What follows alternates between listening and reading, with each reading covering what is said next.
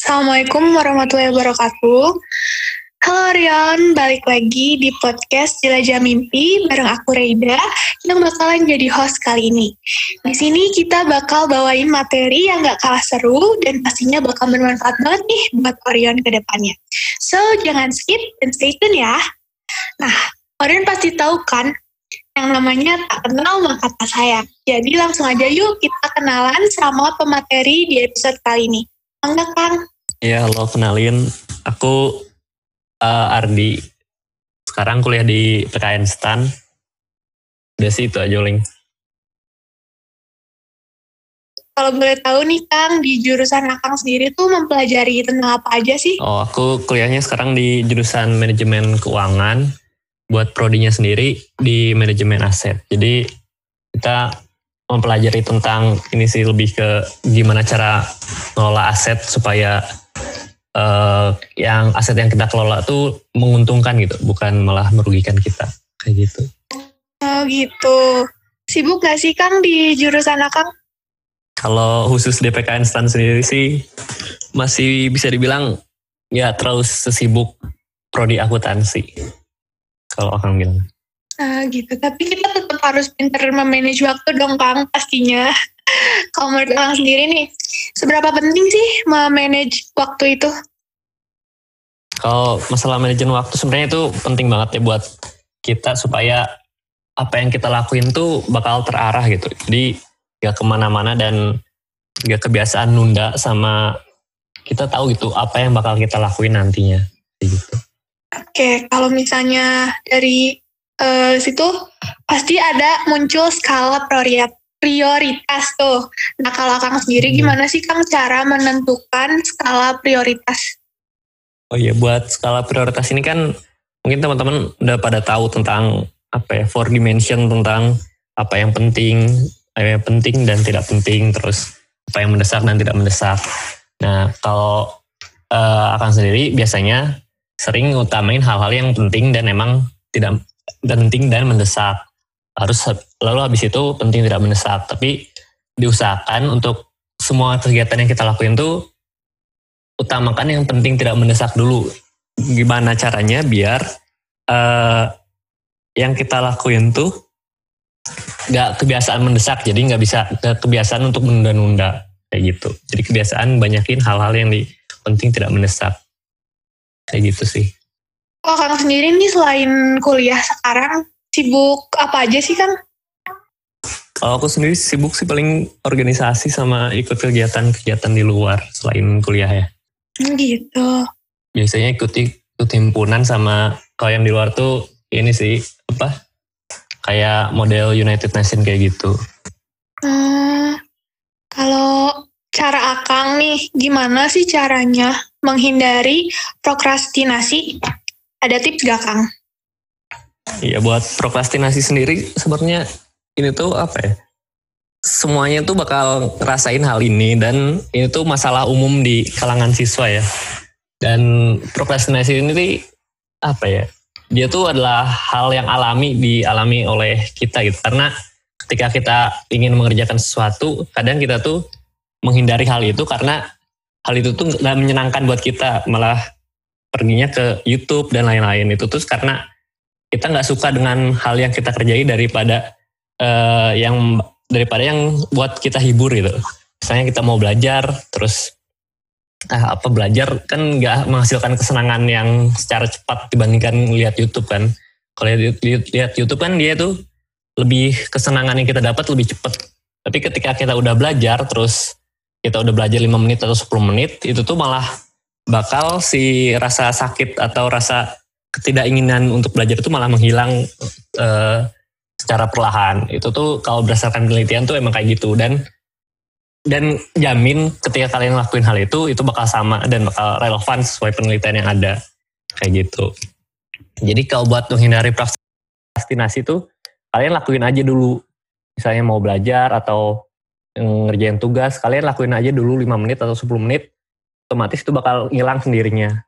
Kalian bisa coba pakai Pomodoro teknik buat uh, apa ya? Buat ngatasin hal itu atau buat ngebantu hal itu.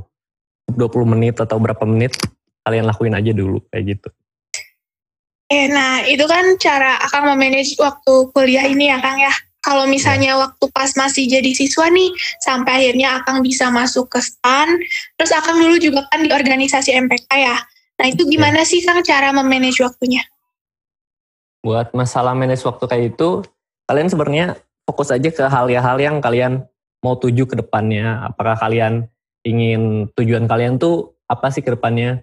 Kalau kelas 11 ya mungkin buat yang kelas 11 masih dengerin, kalau memang mau fokus di organisasi ya udah fokus aja di organisasi tapi tapi jangan sampai yang belajarnya ketinggalan juga tapi ketika kalian udah kelas 12 itu kan uh, waktu membuat organisasi juga udah udah di stop kan sama sekolah jadi fokus aja ke hal yang kalian mau tuju ke depannya.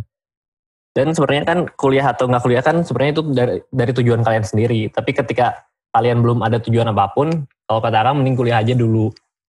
Buat nemuin uh, tujuan kalian tuh ke depannya apa. Nanti dengan sendirinya bakal tahu kok uh, ke depan tuh kalian mau jadi apa kayak gitu. Hmm, kalau Akang sendiri nih, gimana sih cara menyeimbangkan waktu belajar akademik sama kehiburan gitu? Karena kan kalau misalnya belajar terus juga kita stres kan, Kang. Itu kayak gimana sih? Nah, nah ya manajemen waktu juga sebenarnya bukan tentang gimana caranya, bukan tentang hanya hanya tentang gimana ini skala prioritas dan lain-lainnya, tapi itu juga harus diimbangi dengan hiburan. Kalau orang tuh dulu dalam satu minggu tuh ditentuin kalau hari Sabtu sama Minggu tuh nggak boleh belajar sama sekali uh, kegiatannya ya nonton atau nonton film atau nonton YouTube dan lain-lain yang bahasa Inggris biar sekalian juga ngelatih bahasa Inggrisnya kayak gitu. Terus uh, apa ya? Ketika kalian dalam seminggu itu biasanya akan bikin list-list tugas yang bakal dilaksanain. Jadi ketika tugas-tugas itu dilaksanain otomatis bakal nimbulin kesenangan sendiri. Kayak gitu sih.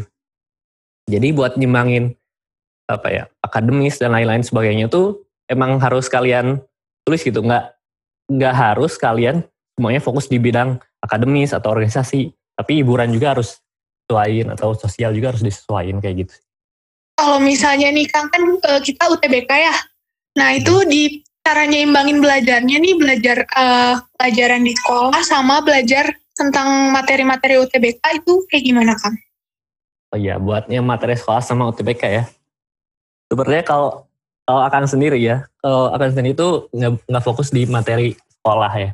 Kalau masalah UN dan lain kan udah dihapuskan juga sekarang. Jadi ya lebih enak gitu buat kalian lebih fokus ke materi OTBK seandainya mat, ada materi sekolah pun ada tugas dari sekolah dan lain-lain ya kalian fokusnya ke tugas sekolah yang emang nyambung sama OTBK kalian kayak gitu. Tergantung tujuan kalian sih. Sebenarnya sebenarnya kan tujuan kalian juga apa ya sekolah tuh udah pasti lulus sih kalau kata Kang. Jadi lebih baik fokus ke UTBK-nya, tapi sekolah jangan sampai terlalu ketinggalan kalau belakang ya kayak gitu. Oke Kang, nah kalau Kang sendiri uh, dulu suka buat jadwal keseharian nggak sih pas mau persiapan uh, untuk tes STAN itu? Oh buat jadwal keseharian enggak sih, paling jadwal mingguan karena kalau jadwal keseharian tuh itu lebih terlalu apa ya, terlalu mengekang gitu. Kalau ketika jadwalnya mingguan, dan jadwal mingguannya pun bukan misalnya makan jam segini atau dan lain-lainnya tapi jadwal mingguannya itu tentang proses-proses apa yang mau di, uh, dicapai misalnya belajar sampai jam 5 atau ngerjain soal 100 soal dalam seminggu ini 100 soal TPA atau 100 soal TKK, TWK kayak gitu-gitu. Oke, kalau caranya sih Kang gimana tuh cara menentukannya? target-target tersebut? Oh, menentuin targetnya sebenarnya bebas. Cuman biasanya akan tuh uh, yang pertama tuh ngerjain hal yang paling sulit dulu. Jadi ketika nger udah ngerjain hal yang paling sulit, ke depannya bakal lebih mudah lagi. Terus ketika kalian udah ngerjain hal itu, udah mencapai target-target yang kita tulis, otomatis bakal ada apa ya self reward sendiri gitu, kayak rasa bangga udah ngerjain hal itu. Dan ya satu lagi tipsnya, uh, kalian tuh nulisnya biasain di waktu malam hari sebelum tidur. Kan misalnya hari Minggu nih, buat seminggu ke depan eh, malamnya kalian tulis ini list-listnya apa.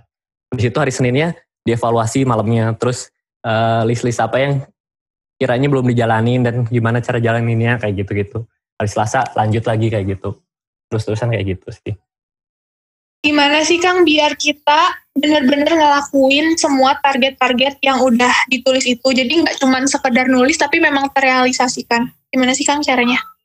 Uh, caranya biar targetnya benar-benar dirasa direalisasiin tuh ya kalian baca lagi targetnya terus oh ya itu tuh sebenarnya tentang motivasi sih. Kalau tentang motivasi ini kalian pikirin malamnya apa yang udah kalian lakuin dalam seharian tadi kalau kalian lakuin itu terus-terus tuh ke depannya kalian bakal gimana? Kalau misalnya kalian seharian itu nonton YouTube dan lain-lain, kalian bayangin nih ke depannya kalau kalian ngelakuin hal itu terus-menerus, ke depannya kalian bakal gimana? Nilai UTBK kalian bakal kayak gimana? Terus orang tua kalian bakal kayak gimana? Pokoknya bayangin hal-hal yang ke depannya itu kayak gimana tuh. Kalau bisa, ke depannya itu bayanginnya hal-hal yang menakutkan misalnya. Kalau nggak lulus UTBK kayak gimana, terus saya nanti diajak reunian kayak gimana, kayak gitu-gitu. Oke Kang, wah bermanfaat banget ya materi hari ini. Nah jadi dari mengelola waktu itu kita bisa punya waktu yang lebih luang, lebih luang, lebih banyak. Kita juga bisa mendisiplinkan gimana sih kerjaan kita tuh bisa uh, beres tepat waktu. Terus kita juga bisa bikin uh, tulisan-tulisan uh, target pencapaian kita tuh kayak gimana. Terus pekerjaan juga lebih beres kan. Nah terakhir nih Kang, ada closing statement atau pesan nggak untuk Orion yang dengerin podcast kita hari ini? Iya paling buat Orion, uh, kalian pertama kali ya, ketika kalian udah mau udah mau nentuin mau UTBK nih, kalian tentuin dulu motivasi kalian apa. Motivasinya kalau bisa motivasi yang internal ya dari dalam diri sendiri, misalnya takut uh, reunian nanti kampusnya apa, terus jurusannya apa, nggak sesuai keinginan kalian, terus takut orang tua gimana-gimana, kayak gitu-gitu. Nah, habis itu kalian ini nih, belajar learning how to learn. Ada di Coursera atau di Zenius atau di Ruang Guru, cari aja bagaimana caranya belajar. Learning how to learn. Itu semua gratis dan kalian bisa lihat sebelum kalian benar-benar belajar sesungguhnya. Itu sih palingan. Kalau saran akan yang di Coursera sih. Bagus itu. Terima kasih banyak Kang atas waktunya. Semoga apa yang udah disampaikan tadi dapat bermanfaat untuk kita dan Orion di rumah semua ya. Sukses terus Kang uh, dan teman-teman Orion juga. Jumpa lagi di podcast Belajar Mimpi selanjutnya ya. Assalamualaikum warahmatullahi wabarakatuh. Dadah.